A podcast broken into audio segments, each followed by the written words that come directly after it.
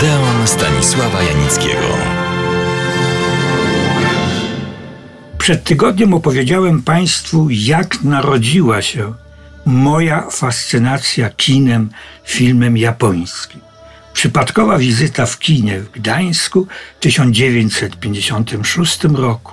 Zupełnie przypadkowo obejrzałem wtedy film Ukrzyżowani Kochankowie, który okazało się jest jednym z arcydzieł kina japońskiego, a jego reżyser to uznany mistrz japońskiej sztuki filmowej. Mieni się Kenji Mizoguchi. Poprawnie byłoby Mizoguchi Kenji, bo Japończycy, podobnie jak zresztą Węgrzy, stawiają najpierw nazwisko, a potem imię. W żadnym filmie nie pokazał Mizoguchi z taką siłą konfliktu między jednostką a społeczeństwem, między prawem człowieka do miłości, do decydowania o swoim losie, a okrutnymi, negującymi prawo zasadami. Jest to też jeden z najbardziej gorzkich i pesymistycznych utworów Mizoguchiego, choć jednocześnie, podobnie jak w innych filmach, wskazuje on na niezniszczalną siłę uczucia i ludzkich wartości. Ukrzyżowani kochankowie są najlepszą adaptacją tekstu Chikamatsu, wybitnego dramaturga z XVII wieku, który napisał niezliczoną ilość sztuk dla tradycyjnych teatrów kabuki i bunraku. Znamienne są podobieństwa i różnice między sztuką Chikamatsu a filmem Mizogichiego. W XVIII wieku zdrada była przestępstwem karanym śmiercią. Dla Chikamatsu tematem był konflikt między obowiązkiem i uczuciem. Mizoguchi kładzie główny akcent na warunki uwikłania społeczne, zależności finansowe, które niejako zmuszają kobietę do zdrady. Zarówno fabuła, jak i postacie zostały w filmie pogłębione i wzbogacone. Styl ukrzyżowanych kochanków, a dotyczy to i innych filmów Mizoguchiego, nazwano poetyckim realizmem. Oprawa plastyczna filmu powstała pod wyraźnym wpływem starego malarstwa japońskiego, dokładniej drzeworytu. Nie było to jednak mechaniczne przeniesienie na ekran dawnych kompozycji, wzorów, sytuacji, lecz przetworzenie ich w sposób filmowy. Sceneria stała się integralną częścią przedstawionego dramatu. Tę samą dramaturgiczną wartość mają również kostiumy i najdrobniejsze rekwizyty. Film Ukrzyżowani Kochankowie otrzymał, uwaga, w Wenecji Nagrodę Srebrnego Lwa. Była to już trzecia nagroda dla Mizoguchiego na tym festiwalu. Wcześniej, w 1952 roku, otrzymał Srebrnego Lwa w Wenecji i złoty medal w Edynburgu za wspaniały film Opowieści księżycowe. Opowiem o nim później i obszerniej, bo film ten uważany jest za najwybitniejsze dzieło Mizoguchiego.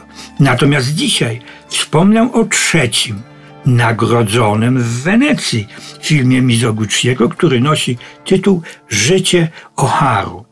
Zrealizowany został w roku 1952 i jest adaptacją powieści klasyka literatury japońskiej Sakaku Ihara, żyjącego i tworzącego w XVII wieku. Oto pokrótce ta opowieść.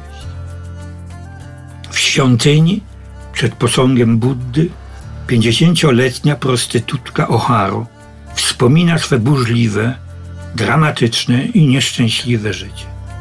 Jako młoda dziewczyna przebywała na dworze cesarskim w Kioto. Zakochała się ze wzajemnością w mężczyźnie niższego niż ona stawia. Ponieść więc musi karę za miłość sprzeczną z obowiązującym prawem i obyczajami. On zostaje ścięty, ona z rodziną wypędzona z pałacu. Po nieudanej próbie samobójstwa zostaje z rozkazu ojca kochanką bogacza, którego żona jest bezpłodna. Zostaje wypędzona po urodzeniu mu syna, sprzedana do domu publicznego, ale ma szansę ułożenia sobie życia. Bogaty właściciel ziemski chce ją wykupić. Ucieka jednak od niego, kiedy okazuje się, że jest on spekulantem, oszustem. Wkrótce wychodzi za mąż za uczciwego człowieka, lecz ten nagle umiera. Zrujnowana stacza się coraz niżej. Zostaje prostytutką w gospodach, łaźniach, tawernach. Teraz odnajduje ją jej syn. Chce zabrać do siebie, lecz ona odmawia, uważając się za kobietę zhańbioną, niegodną. Ludzie opowiadają o starej zakonnicy żyjącej w pustelni. To Oharu, która resztę życia poświęca Buddzie. Film, podobnie jak powieść, jest ostrą krytyką społeczeństwa feudalnego, jego nieludzkich praw i norm, odbierających człowiekowi prawo do miłości. Postępowanie tytułowej bohaterki zostało umotywowane tak, że widz darzy ją mimo wszystko miłością i uważa za osobę godną szacunku. Jest to również zasługa odtwórczyni tej roli, znakomitej aktorki Kinio Tanaka. Ciekawostką jest, że pierwszego na ekranie oczywiście jej kochanka, który został ścięty, gra Toshiro Mifune, najsławniejszy aktor japoński, znany na całym świecie.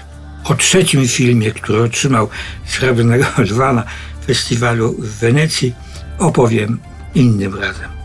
Zapraszam Państwa serdecznie do Odeonu za tydzień.